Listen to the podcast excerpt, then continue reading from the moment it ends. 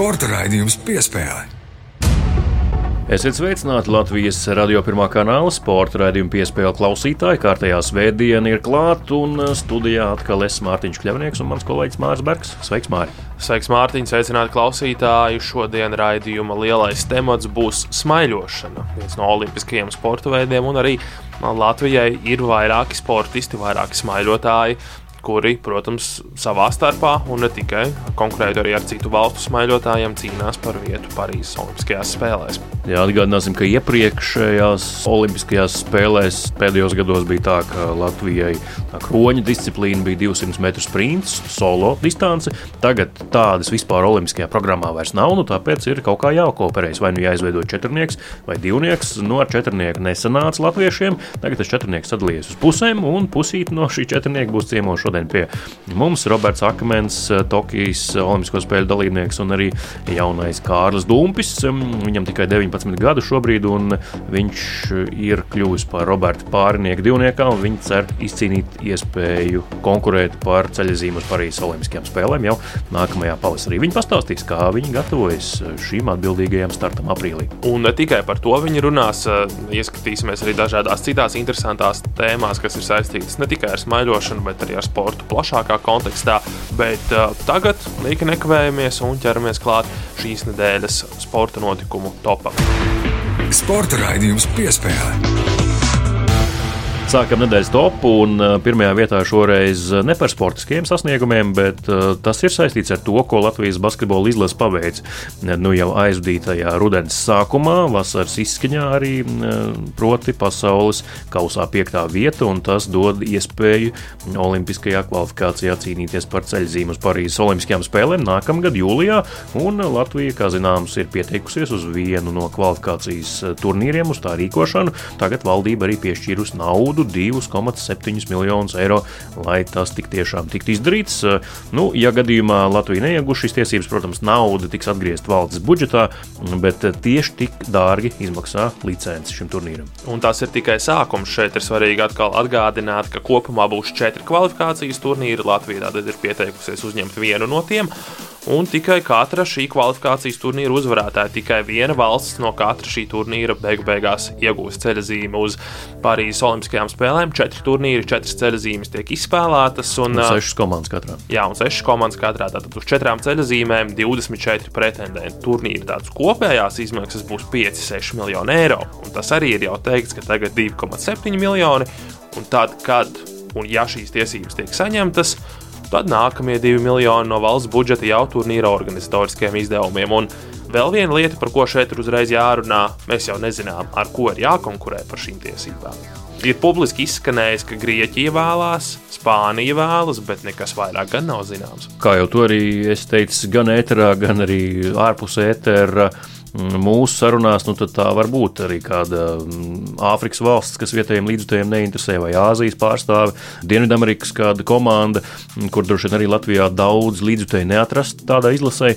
Tas nozīmē, un aktuāls ļoti ir jautājums, cik aizpildīts būs tribīnes. Nu, skaidrs, ka uz Latvijas izlases spēlēm tās būs pilnas, bet eh, tad, kad spēlēs nu, nosacīt, piemēram, Brazīlija ar Kodivāru, eh, es tā vienkārši pagrābu valsts nosaukums no zila gaisa. Nu, visticamāk, diezgan eh, tāds skaļš vējš varētu svilpot arēnas Rīgas tribīnēs. Šis ir viens punkts, par ko es biju piekasīgs Latvijas Basketbola Savienības pieteikumā. Proti, tur ir rakstīts, ka uz turnīru ieradīsies 8 līdz 10 tūkstoši ārvalstu līdzekļu, tieši ārzemnieki. Bet tas ir iespaidīgs skaidrs, jo man šķiet, ka uz pasaules hokeja čempionātu Latvijā ieradās 20, 25 tūkstoši līdzekļu no ārzemēm. Un šis skaitlis. Nu, Ir, protams, interesanti, kā tas veidojas. Un šo es jautājumu arī uzdevu, un tādu īstu atbildi arī nesaņēmu no Basketbola Savienības mēs pat nezinām, pret ko būs jāspēlē. Ja mēs tagad atmetam visu šo ideju par to, ka pasākumam ir finansiāli sevi jāatpelna valsts budžetā, ka mēs vienkārši ieguldām naudu sportiskā mērķa vārdā, izcīnīt ceļzīmes Parīzes spēlēm ar basketbolu izlasi, viss kārtībā, darām bet nerunājam par to, ka mēs kaut kādā veidā mēģinām atpelnīt šo visu valsts budžetā. Jo, protams, ja mēs tagad runājam tīri par sportisko pusi, spēlēt arēnā Rīgā savu tribīņu priekšā, tas būs daudz, daudz labāk nekā spēlēt naidīgu, vārda vistiešākajā nozīmē naidīgu tribīņu priekšā Pirejās vai Atēnās, ja turnīrs, piemēram, notiktu Grieķijā un Latvija tur tiktu ielozēta. Tāds koks ar diviem galiem. Mēs runājam par sportisko pusi un par to, ka valsts to kaut kā atpelna. Basketbolā es arī īsti neredzu pat tādu piemēru, kā šeit varētu balstīties aprēķinus, uz kā veidot šeit. Tāpat laikā es zinu, ka tagad kāds nu, no izcilākajiem Latvijas basketbolistiem, ja šo klausās, tad uh, droši vien, mm, vietnē X uh, veltīs man skarbus vārdus par to, ka es neatbalstu basketbolu, bet ja mēs tā paskatāmies, tā Nu, bez emocijām un izsvērt uz šo jautājumu, tad valsts iegulda 5-6 miljonus tikai lai viena valsts izlase nokļūtu Olimpiskajās spēlēs, un tas nav garantēti tikai izcīnīt vietu. Iespējams, tur, ja mēs paskatāmies, kāda ir vispār Olimpiskās kustības reputācija šobrīd, kas tas ir, un ja uz turieni ejot, mēs gribam iztērēt vēl papildu 6 miljonus no valsts budžeta, kas tā jau ir liela deficīta nākamajā gadā, un arī sportam naudas trūkst, tad nu, man tas neliekas rentabli. Emocionāli tas, protams, ir piesaistoši un varbūt pat mm, ļoti pareizi, bet uh, nebūsim emocionāli, būsim racionāli. Tieši tāpēc es arī saku, ja mēs runājam strikti par sportisko un atmetot finansiālo pusi, tad jā, protams. Bet, ja mēs runājam par kaut kādu atpelnīšanos, tad tas ir liels, liels jautājums, vai un kā valsts atgūs šos ieguldītos līdzekļus. Kā jau mēs te sacījām, un vēlreiz atgādinām, arī ja mūsu klausās Latvijas Basketbola Savienība, mēs neesam par to, ka tiek mēģināts šādu turnīru pie sevis dabūt, bet eh, mēs nu, uzdodam mēs... pamatotus jautājumus. Jā, mums, kā žurnālistiem, ir pienākums uzdot šos jautājumus, cik tas ir pamatoti, nepamatoti, kādi ir plusi, mīnusi. Mēs šeit sveram uz svara kausiem, mēs neesam par vai pret. Un nākamā pieturvieta nedēļas topā TTT Rīga spēlē FIBA Eiropas kausā un spēlē ļoti labi. Četras uzvaras četrās spēlēs. Arī varanā Pirejas Olimpijakos komanda ar Kristīnu Vītoli ir pārspēta. Nu, ļoti labi veicas komandai, un man šķiet, pat, vai tik tas nav pat labāks scenārijs, ka šāda sezona pēc būšanas tikai vietējā mērogā uz Eiropas skatuves ir nevis augstākajā līmenī, Eirolīgā, bet Eiropausā, kur ir tā teikt ņemamāk pretinieki tautas valodā sakot sakot, bet eh, var arī sev parādīt no ļoti labas puses uzvaras krājas, tik tiešām četrās spēlēs četras uzvaras. Tas, protams, ir patīkami. Un arī kā TTT pārstāvji ir izteikušies gan komandas galvenais treneris Mārtiņš Gulbis, gan arī viena no komandas vadošajām un arī pieredzējušākajām spēlētājām Ieva Pulvere intervijā Latvijas televīzijai teica, ka šī TTT komanda, kas spēlē tagad, oktobra beigās, novembra sākumā, tā ir cita TTT komanda, ja salīdzinām vēl ar septembri, kad notika Eirolandes kvalifikācija un TTT zaudēja Sepsī komandai no Rumānijas. Daudz, daudz labāks spēlē šī komanda. To, protams, uzsver pašu kluba pārstāvji un rezultāti rādās. Ir ne tikai uzvaras, bet ir pārliecinošas uzvaras. Piespēle. Parunāsim nākamajā nedēļas top pieturvietā par bobsleja izlasi, kur gatavojas jaunajai pasaules kausa sezonai. Pirmais posms Ķīnas trasē. Mārtu tur es biju redzējis, kā tur notiek lietas. Skaista trase, tiešām skaists sporta objekts. Tikai tālu jālido, diemžēl. Tālu ir jālido, jā, un arī no pašas Pekinas vēl ir labs gabaliņš, kamēr aizbrauc, bet uh, to jau tur sakārto. Bet uh, par lidošanu, par uh, ilgiem braucieniem, nu skaidrs, pie tā bobslīds ir pieraduši, vai tas brauciens mikroautobusā pa Eiropas ceļiem vai šāds avio lidojums, bet naudiņas gan būs mazāk šajā sezonā bobslīstiem, un par to vismaz Latvijas Bobslēnu Skeletonu federācijas vadība, ceļ trauksmi, izsaka skaļus apgalvojumus publiskajā vidē. To mēs jau nedaudz ieskicējām pagājušās nedēļas topā par šo naudas sadalījumu, kā izglītības un zinātnes ministrija dala naudu sportam. Jā, nu sportisti jau dara savu darbu, gatavojas sezonai, trenējas tur tajā pusē, viss ir kārtībā, kas attiecas uz finansiālajiem jautājumiem. Tad gan, jā, kā Zīnis Ekmanis, Bobslēgas Keletona federācijas ģenerālsekretārs, ir izteicies, tad jaunie kritēriji valsts finansējuma sadalē nākamajā gadā tie ir Bobslēgam katastrofāli. Tie ir viņa vārdi. Jo uzsvers, kā jau mēs pagājušajā nedēļā teicām, ir uz uh, masveidību, bērniem, jaunatni, piramīdu. Bobslēga nekā tāda nav, jo gluži vienkārši ar šo sporta veidu drīkst nodarboties tikai no 18 gadu vecuma. Jā, bobslēgisti, protams, nav mierā ar šo situāciju. Protams, cepuri nost zīmtim un uh, arī pārējai federācijas vadībai, ka viņi ir spējuši piesaistīt pietiekami nopietnus privātos atbalstītājus. Mēs te nerunājam par mazām kompānijām, par diezgan nopietniem atbalstītājiem ir runa. Tā kā neviens jau nesēž rokas klēpī sālicis gaidot, kad uh, no valsts kaut kas atliks. Bet, bet tā uzmetot aci uz bobslēju tērpiem, kas tika priekšstādīti šajā nedēļā, mazāk atbalstītāju logo tur ir skaitliski. Nu jā, un trīs no tiem, ja mēs tā paskatāmies, tās tik un tā ir valsts kapitāla sabiedrības. Par to ir daudz, daudz diskusiju, vai bobslējiem un pārējiem rennes sporta veidiem ir nepieciešams ieguldīt tādu naudu, ņemot vērā, ka tur nav nekādas masveidības. Un, nu, tas ir tas stāsts. Mēs tagad ar tevi, Mārtiņu, varam paņemt basketbolu, futbolu, volejbolu, bumbu un iet paspēlēt, jebkuru no šiem sporta veidiem, tepat ārā, doma laukumā, ja labi gribētu. Bet um, ar bobslēju mēs gan nevarētu nodarboties, pat ja labi gribētu. Jā, un vienīgais no Renes sporta veidiem, kurā tik tiešām ir piramīda, bērnu, jauniešu sistēma, arī Mūrjāņos tas ir integrēts. Mūrjāņu sporta gimnājā, protams, tās ir kamaniņas.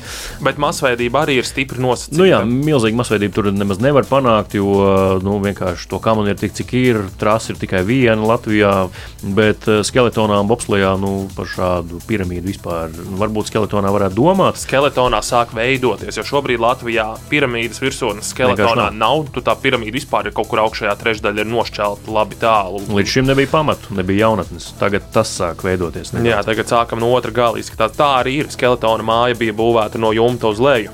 Šobrīd uh, sākam no pamatiem, no jaunatnes, kas tiek audzināta, startē sacensībās, un varbūt kāds no viņiem dienās izaugs par profesionālu skeletonistu vai sasniegs brāļu tukura augstumus. To mēs nezinām. Jā, nu, bet ja mēs tā paskatāmies uz to sauso atlikumu, bobslēgam, skeletonam, iepriekšējos gados, arī šobrīd, tas ir tas, eh, ko Dāvis Mārtiņš Daugavietis, saimnes sporta apakškomisijas vadītājs no jaunās vienotības, šajā pašā studijā eh, sēdot šogad mums teica, ka ir jādomā par to, nu, kas tad ir tas, uz ko mēs liekam uzsvaru, gan naudiskā ziņā valstī, gan vispār, ko mēs gribam panākt no sporta. Ja tās ir tikai medaļas un labas emocijas, tad uh, droši vien, ka var atbalstīt arī sporta veidus, kuros nav piramīdas, bet ja tomēr mēs gribam uzstāt uz tādu ilgtermiņa stratēģiju, uz veselīgāku sabiedrību, tad ir jāspiež uz masveidību. To arī valsts, kā izskatās, šobrīd sāk darīt. Nu, tas nozīmē, ka nu, jā, šādi sporta veidi bez piramīdas paliks to entuziastu rokās, un viņiem pašiem būs jāmeklē mm, nauda, kā izdzīvot. Tur vienkārši nav citu iespēju. Protams, par medaļām un konkurences līmeni mēs tagad varētu atkal ieslīgt tajā vecajā labajā diskusijā. Kas ir medaļas? Medaļas ir sniegtās emocijas tikai un vienīgi. Vairs neko tās mums nedod kā līdzutējiem. Tieši tā. Vai ar to pietiek? Vai to valstī tikai ir, vajag? Jā, tas ir jautājums. Un tas, protams, atkal ir katra personīgā izšķiršanās un domas un viedoklis. Un mēs arī atgādinām, zinot, ja tu klausies, neesam pret vai par bobsleju vai skeletonu un tā tālāk, bet tās ir lietas, par kurām jādiskutē sabiedrībā un ir jānolemj, kas tad būs valsts kurs tādā lielā mērogā. Un, nu, šķiet, tam ir pienācis laiks arī ar jaunā sporta likuma izstrādi, ka tagad ir tas brīdis, kad tas būtu jādara. Nu jā, un turpinot par šo pašu finansiālo tematiku, ko mēs iesākām jau basketbolā un atkal turpinām šeit, tad arī fiskālās disciplīnas padome, izvērtējot nākamā gada valsts budžetu un sniedzot savu atzinumu un ziņojumu, pirmo reizi, vai vismaz vienu no retajām reizēm, pieskārās jautājumiem par sporta finansēšanu valstī. Arī tur tiek norādīts uz šīm lietām par to, ka valsts uzņemas nerentablu sporta pasākumu rīkošanu. Tāpat ir šis stāsts par sporta veidiem, kas ir nišas sporta veidi, kas ir dārgi sporta veidi, un tas ir vistiešākajā veidā mājiens ar mietu tieši Renes sporta veidu virzienā. Tie ir ārkārtīgi izteikti nišas sporta veidi. Varbūt mazliet jāpieskaras arī sportiskajā pusē, bobsleja jautājumos. Proti, Jā, kā tad izskatās Emīls Cipuls, pie kura mēs pagājušajā gadā bijām ciemos, pirmais pilots, pasaules vicečempions. Stūmēji viņam noteikti būs. To Alleģis ir bijis Latvijas izlases aptverē, bet Kas vēl? Jākaps, Jākaps Kalenda. Jā, Jākaps Kalenda un Sāns Prūsis arī izteicās, ka par viņu, protams, tiek domāts tādā tālākā perspektīvā. Ne tikai tūlīt un tagad no viņa jāprasa rezultāti, bet par viņu ir jādomā tiešām ilgtermiņā. Protams, no Emīla Cipuļa rezultāti tiek gaidīti vairāk. Galu galā viņš ir aktuālais pasaules vicečempions, to izcīnot šā gada sākumā. Bet arī par viņu ir jādomā tālāk un nākotnes perspektīvā, jo viņš ir jauns pilots bobslējam jā, Emīls Cipulis ir šobrīd galvenais karognesējs Latvijas bobslējam, ir pierādījis, ka ir spējīgs to izdarīt. Bet arī viņam ir jākrāj pieredze un jābrauc uz tām pašām Amerikas trasēm, uz Laiklēsidu, kur notiks pasaules kausa pēdējais posms, marta beigās. Tur 2025. gadā būs pasaules čempionāts. Attiecīgi par to ir jādomā. Ir arī Jaņķis, tas vai Ķīnā viņš būs pirmo reizi ar četrnieku. Arī jā, arī jā, bet nu, gal, gal galā arī Sāns Prūsis arī raidījumā sporta studijā Latvijas televīzijā. Sev tipiski skarbi pateica, ja mēs tagad atrisinām valstī visas problēmas, skolotāju, policistu un glābēju algas palielinās, tad klapē savstarpējam to bodu ciet. Sandis, protams, runā tiešu valodu arī tikšanās laikā ar žurnālistiem. Viņš teica, ka jā, nu, tā bedra ir izrakta un skujas ar laikam jau ir izkaisītas, bet nu, vēl nekrologs tiek rakstīts. Pieredzējis vīrs, un ne viņam, ne arī komandai rokas nenolaižas. Nu, kamēr ir ko darīt, tikmēr viņi turpina darīt savu darbu pēc labākās sirdsapziņas. Un pēdējā pieturvieta šīs nedēļas spilgtāko notikumu topā Latvijas hokeja izlase nosauc kandidātu sarakstu divām pārbaudas cīņām pret Francijas izlasi Daugavas stadiona ledus hallē novembra vidū. Un tur, protams, gan bronzas komandas spēlētāji, gan arī tādas sejas, ko mēs izlasē esam ļoti maz redzējuši vai neesam nemaz redzējuši.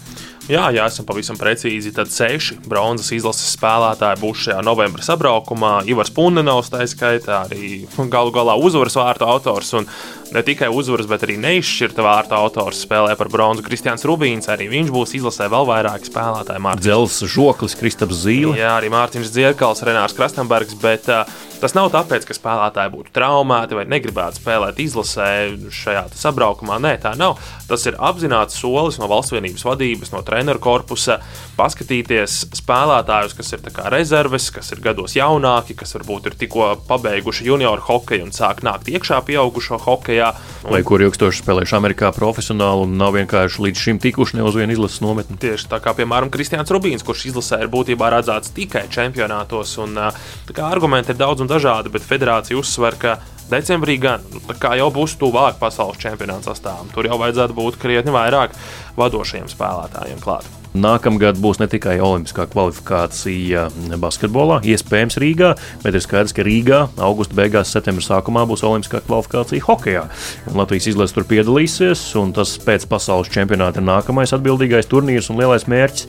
Bet eh, par olimpisko hokeju runājot, Startautiskā hokeja federācija atkal ir izcēlusies ar savu rīcību, publicējas provizoriskos grupu eh, sastāvus Kortīnas, Milānas olimpiskajām spēlēm, hokeja turnīram un Un ko tu domā pēc ranga tur iekļaut arī Krievijas hokeja izlase? Jā, Krievijas hokeja izlase ir iekļauta ne tikai kvalifikācijā, bet viņi jau ir reāli Milānas. Jā, jau Olimpiskajā sastāvā, Jā, Olimpiskajā grupu turnīrā. Jo bet... šis uh, sastāvs, protams, tiek veidots pēc uh, pasaules ranga, pirmās deviņas komandas. Krievu rangs pasaules reitingā ir iesaldēts, tātad viņi tur, kur viņi bija, tur viņi arī atrodas. Un šeit mēs vēl varam piebilst, ka Baltkrievija ir teiksim, tā, pieteikti dalībai Olimpiskajā kvalifikācijā. Viņi spēlētu provizoriski kvalifikācijas turnīrā, kas notiks Slovākijā. Slovākija arī ir nokritusies nedaudz, ka viņiem nav šī vieta vairs garantēta, bet ir jāspēlē kvalifikācija. Bet tas tā, katrā ziņā par šīm abām agresoru valstīm runājot, Baltkrieviju un Krieviju. Tad tur ir zvaigznīte, jeb atruna klāt ar piebildi, ja šīs valstis turnīra norises laikā būs atgrieztas starptautiskajā apritē. Tātad tas var notikt, un tas var arī nenotikt. Baltkrievijai būt atpakaļ nākamā gada vasarā uz rudens pusi varētu būt mazliet, mazliet sarežģītāk, ja karš nebeidzas tūlīt un tagad, bet Krievijai Milānā nu, tas vēl ir pietiekami tālu patiesībā. Līdz tam ir laiks, jā, bet nu, cerams, pirmkārt jau ka karš būs beidzies. Bet, uh, tas ir primārais, protams, jā, pēc iespējas ātrāk. Bet uh, mēs liekam punktu, beidzas mūsu nedēļas tops un iztirzājums par spilgtākajiem notikumiem šajā nedēļā. Mēs tātad šobrīd dodamies jau pie intervijas, un smaiļotāji Roberts Akmens un Kārlis Dumpis jau ir mūsu studijā. Sporta raidījums piespēlē. Šoreiz par ūdeņiem, par braukšanu ar laivām, bet nevis tādu liderīgu un tādu plezīru braucienu, bet par sportiskām sacensībām un ar olimpisku piesitienu. Tu vari lūdzu atpiņķerēt šo kalambūru, ko es te uzbūru. Es domāju, es paturpināšu mazliet šo visu, jo šis ir jau otrais raidījums šogad, kad mēs runājam par laivām un par ūdeņiem. Pirms pāris mēnešiem runājām par jahtām, par regatēm. Šoreiz runāsim par tādu sporta pasākumu, kas ir Olimpiskajās spēlēs un kur Latvija ir pietiekami pietiekami nopietni sportisti. Jā, svaļošana ar dziļām tradīcijām Latvijā un tiešām nu, ļoti labi zinām sportisti tajā ir bijuši, joprojām ir. Un ar diviem no viņiem, kuri pārstāv šī brīža smaļotāju paudzi, arī parunāsim.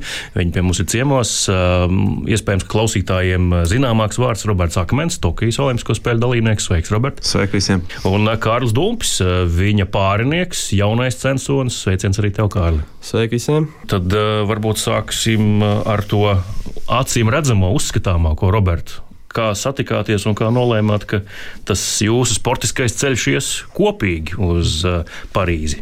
Kārlis, ja godīgi, man bija padomā jau laiku ļāva viņam uh, nobriest, nogatavoties. Kārli, tev ir tagad 20. Nu, Tūlīt būs 20. Tūlīt būs 20. Uh, bet par Kārli jau es jau viņu redzēju kā ļoti potenciāls sportists jau divus gadus atpakaļ. Divus gadus atpakaļ man vēl bija 200 metri, bet es jau tā kā zināju to, ka būs 500 metri divnieks. Šajā divu gadu laikā es mēģināju kā, arī ar citiem džekiem, kas mana vecuma, varbūt bija šī pat vecāki. Galu galā arī četrniekā kopā esat strādājuši. Jā, un tas, ka šogad mums braucām četrnieku, pirmo reizi sēdējām kopīgā laivā. Un uh, treniņu procesā mēģinājām arī divnieku. Uh, mēģinājām, kad es sēžu priekšā, uh, mēģinājām, kad es sēžu aizmugurē. Latvijas čempionātā aizvadījām, kad es sēžu aizmugurē. Pēc čempionāta sapratām, ka varbūt tas nebūtu tas pats labākais variants. Un pēc tam, kad gatavojamies pasaules čempionātam, treniņu procesā samainījāmies atkal atpakaļ. Kad es sēžu priekšā, un, godīgi sakot, ļoti labi iet, es jūtos ļoti labi un komfortabli sēžot priekšā.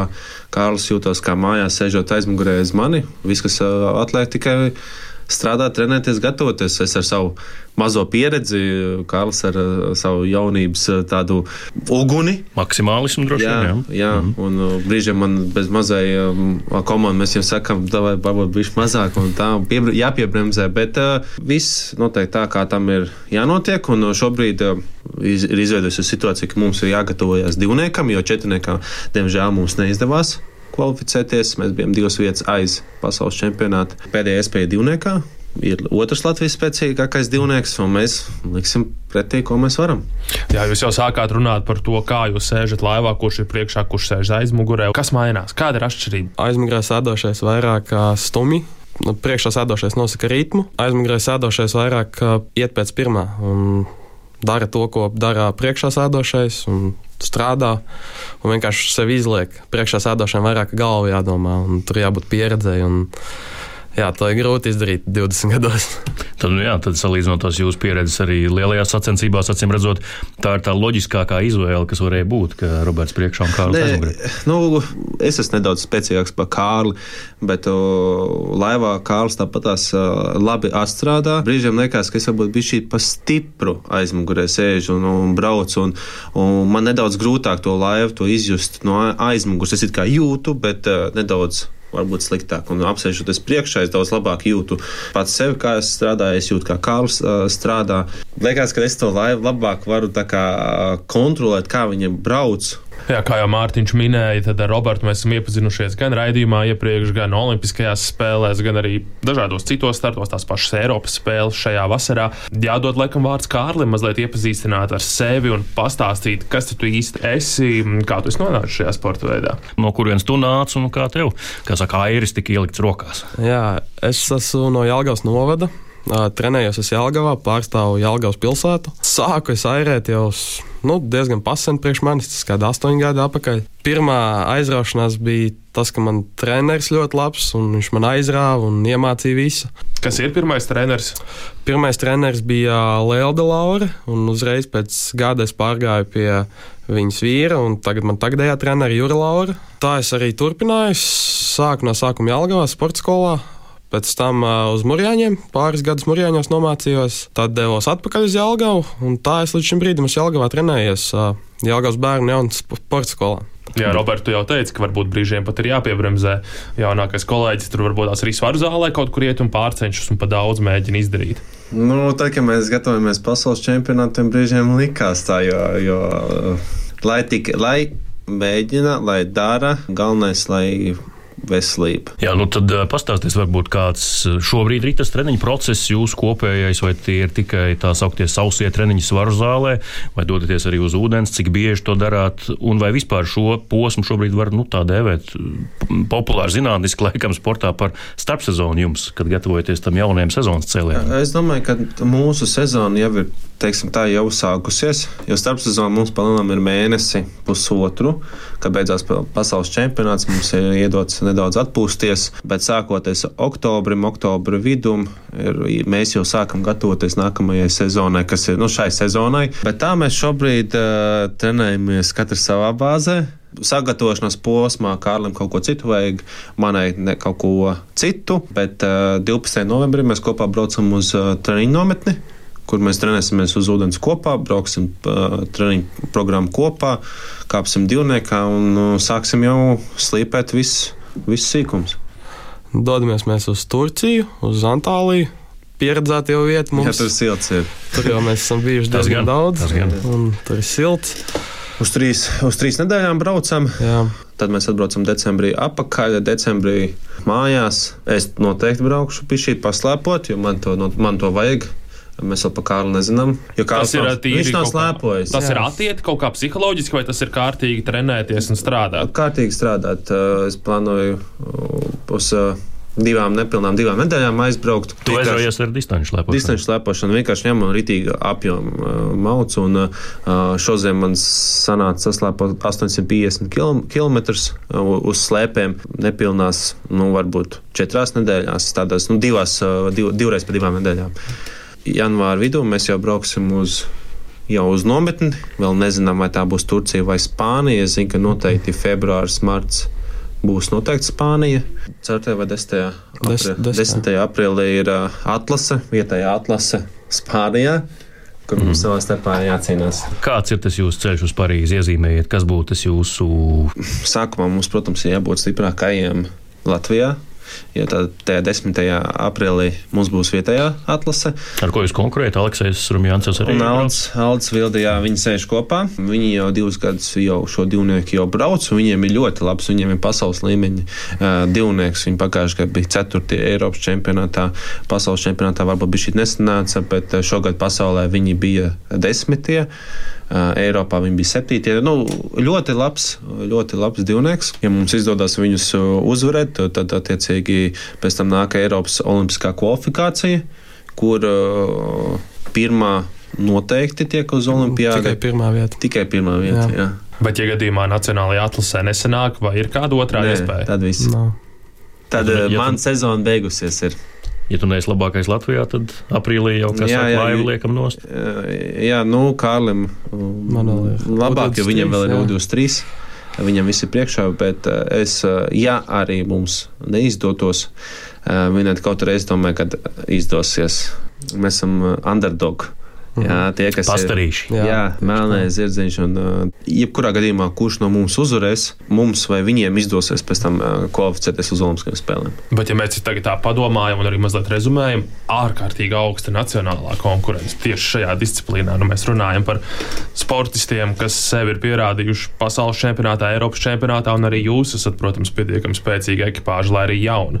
Aleksējam Rumjāncam, ja es nekļūdos. Piektā vieta Rio Olimpiskajās spēlēs gal galā. Nu, tā individuālā distance, protams, eh, Robertam astotā vieta Tokijā, bet nu, tomēr mm, šie ļoti pieredzējuši atlēti, ļoti talantīgi jaunie viņiem laivās, un nu, tur droši vien, ka, kā saka, eh, skaidrs ies pa gaisu un nu, viss šķīdīs tajās sacensībās. Būs ļoti, ļoti, ļoti interesanti. Tas ir, tas ir galvenais. un Es uzskatu, to, ka ļoti labi, ka mums šī te iekšējā konkurence ir. Um, un, jo es domāju, ja nebūtu, tad mums tas varbūt tas līmenis nebūtu tik augsts. Nu, ir dzirdēts, ka tā smaļotāja vide ir nu, jā, ļoti savstarpēji konkurējoša. Tur ir stipra rakstura, un reizēm arī tās dzirkstēlis šķīst starp tiem rak- raksturiem. Jā, un uh, tas var, mēs savā ziņā, varbūt sportisti savā ziņā, varbūt pat ir mierīgāki. Bet uh, to, kā uzvedās uh, brīžiem Federācija? dažādi fed, no federācijas mm. pārstāvi, treneru pārstāvi, tas ir brīžiem man kauns. Ir, jā, bet mēs visi esam cilvēki, katram ir savas kaut kādas ambīcijas, uh, kaut kādas uh, emocijas, un brīžiem kaut kādās saspringtās uh, situācijās viņas vienkārši nespēja kontrolēt. Bet, Robert, nu, tev arī tomēr ir liela pieredze jau šajā sporta veidā, daudz gadu aizvadīt. Nu, tas, kas šobrīd ir situācija, nu, tas, tas skaidrs, ka Olimpiskās spēles joprojām ir tur, tas lielais mērķis kalna galā, bet tas, ka vairs nav individuālo distanču. Nu, kā tas maina vispār to notiekošo Latvijas uh, smaļošanā kopumā? Nu, nezinu, sportistiem ir mazāk ambīciju, varbūt nav vairs tik liela dzīšanās pakaļ šim mērķim, ir mazāk skaitliski sportisti, vai vairāk vai mazāk viss ir tāpat, tikai ir pārkāpuši divniekos. Viņi. Skaitliskā ziņā noteikti ir mazāk. Es... Jo nav vairs tā, ka viss ir tevis paša rokās un tu vari izcīnīt olimpisko ceļzīmi sev. Jā, jo, jo, jo lai kvalificētos, tagad tev ir vajadzīgi divi vai četri cilvēki. Un tas, tas jau, protams, ir daudz grūtāk. Visīpaši to, ka mēs esam salīdzinoši maza valsts. Bet es pamatā uzskatu, ka uh, nedaudz federācija šajā situācijā. Es neuzskatu, ka tur konkrēti cilvēku vai ko, bet visā kopumā tieši, kad varbūt ka tas arī citās federācijās, to, kad tad, kad pienāk gads, kad ir jākvalificējas uz Olimpiskiem spēlēm, tad grābi, ķer un domā, ko, kā tikai izdarītu, lai kaut kāda cilvēka kaut kādā veidā kvalificētos. Kaut kāda... trīs gadus ir klusums? Bez mazliet, jā. Tā doma, ka pieņemsim mums tagad uz Parīzi, mēs mierīgi varējām sagatavot ļoti labu četrnieku, mierīgi. Noteikti.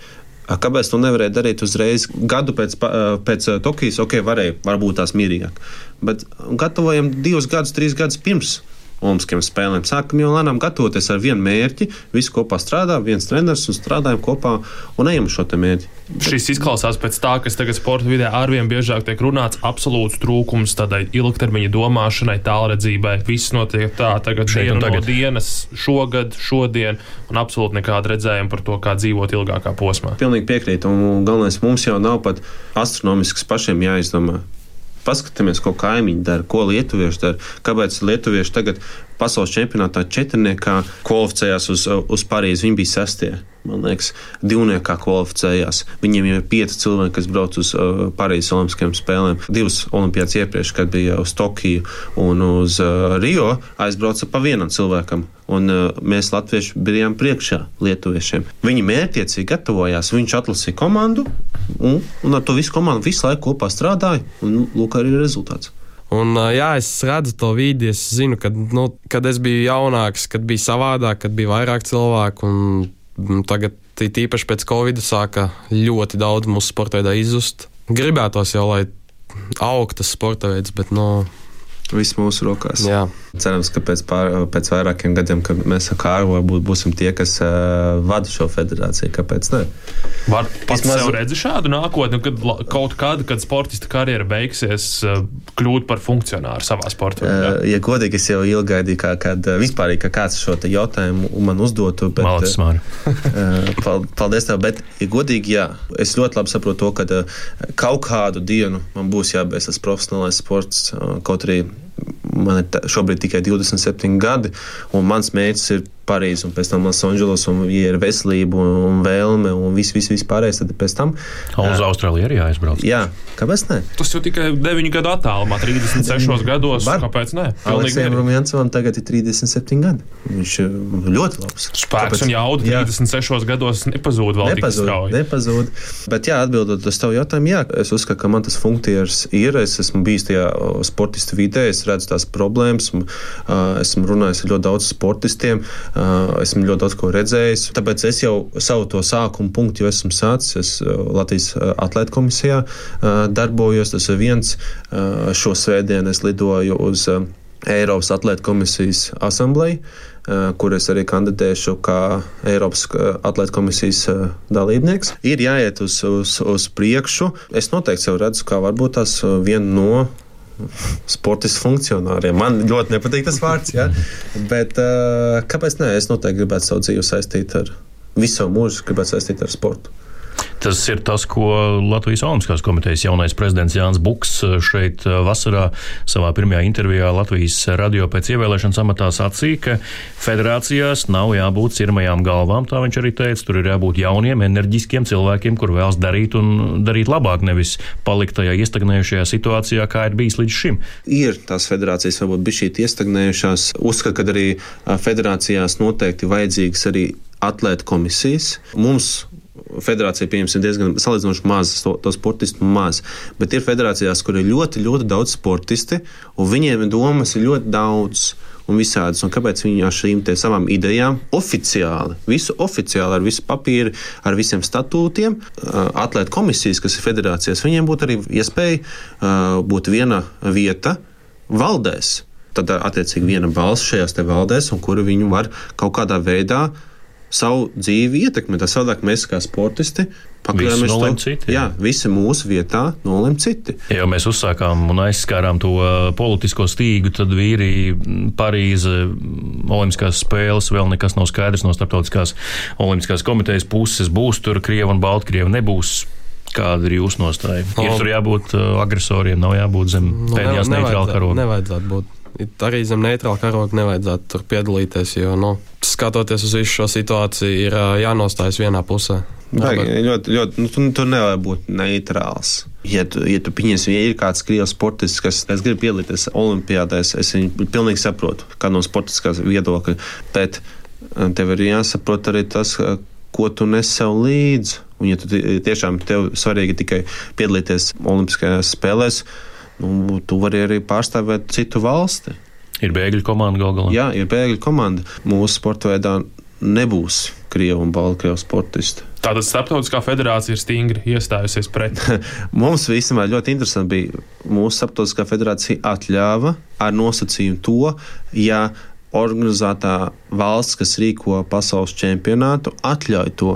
Mūsu pasaules čempionāts šogad bija Vācijā. Vācija pateica, nē, Attiecīgi viņi caur pasaules čempionātu nevar kvalificēties uz Olimpiādu. Eiropas Olimpiskā kvalifikācija notiks Ungārijā, Nu, tur jau citāda situācija. Es domāju, ka nē. Jā, nē? es domāju, nē. ka viņi arī pateiks, nē. nē. Viņi arī pateiks, nē. Viss. Vai tur ir teikšana tieši vietējai konkrētās valsts smaiļošanas federācijai, vai tas ir jau tāds globālāks lēmums, kas nāk no nē, politiskajām aprindām? Jo Ungārija kā valsts mēs zinām, ka atbalsta Krieviju un viņu val, val, nu, vadību tieks ar. Rīkotājs formāli ir vietējā federācija. Vietējā federācija, jā. Nedomāju, ka nekādas ziņas nav par to, ka varētu atļaut šobrīd. Bet vispār, ja viņi tur ir citos sportveidos, tur, kur viņi vēl var ielikt tajā pēdējā vilcienā. Jūs tur braucat, jums tas netraucē. Šo, šobrīd viņam... es domāju par to, lai es kvalificētos. Ja es kvalificēšos, tad arī domāšu.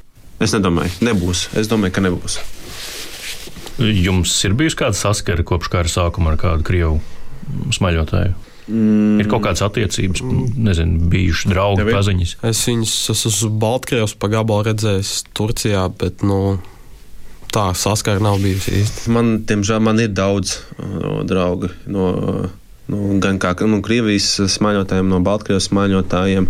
Uh, un, uh, ko viņi saka? Es, uh, ja godīgi, ar krieviem neesmu runājis tā, tikai to, ko, nu, ko sociālajos tīklos redzu, un, un tā ar, ar Baltkrieviem gribētu parunāt, kas un kā, jo tie Baltkrieviem, kuriem viņi ir it kā pret Lukašenko visu to, visu to sistēmu, un es domāju, ka viņi eh, savā ziņā diezgan ļoti pārdzīvo to, kas notiek. Tā situācija ļoti, ļoti sarežģīta. Ir. Ļoti sarežģīti. Uh, es nezinu, kam ir jānotiek, lai viņi tā veiksmīgi atgrieztos uh, tajā sporta apritē.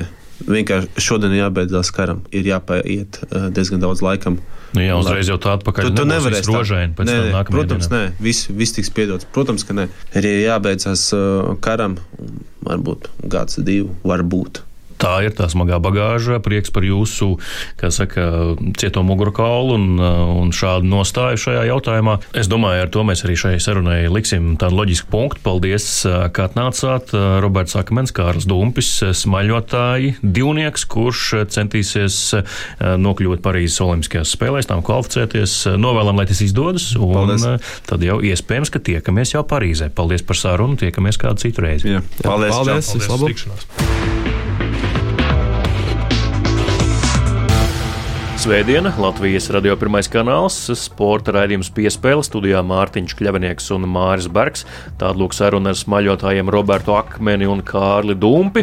Un eh, tagad būtu laiks, eh, kad ierasti raidījumā sekot kādu no rubrikām, vai nu vēstures stūrīts vai kā slācītim vēdrā, bet eh, mēs ar Māru nolēmām, ka šoreiz iztiksim bez tādas atsevišķi izdalītas rubrikas. Jo intervijas laikā mēs ieskatījāmies šī sporta veida niansēs un dažādos aspektos. Līdz ar to lēmām, ka atsevišķi to nodalīt šoreiz varbūt nav nepieciešams. Jā, Roberts un arī Kārlis ļoti interesanti izstāstīja. Roberts arī gal galā pieskārās federācijas niansēm, kas tur iekšā virtuvē notiek, un tas tik tiešām bija tā rubrikas cienīgi, bet tas, lai paliek intervijā, mēs savukārt sakām jums paldies par klausīšanos arī šajā svētdienā. Dariet to arī nākamā svētdienā, kad atkal būs gan nedēļas topā interesanti pārspriedumi, gan, protams, arī kāda ārkārtīgi aizraujoša saruna atkal raidījumā. Paldies, ka klausījāties un tiekamies pēc nedēļas. Uz tikšanos!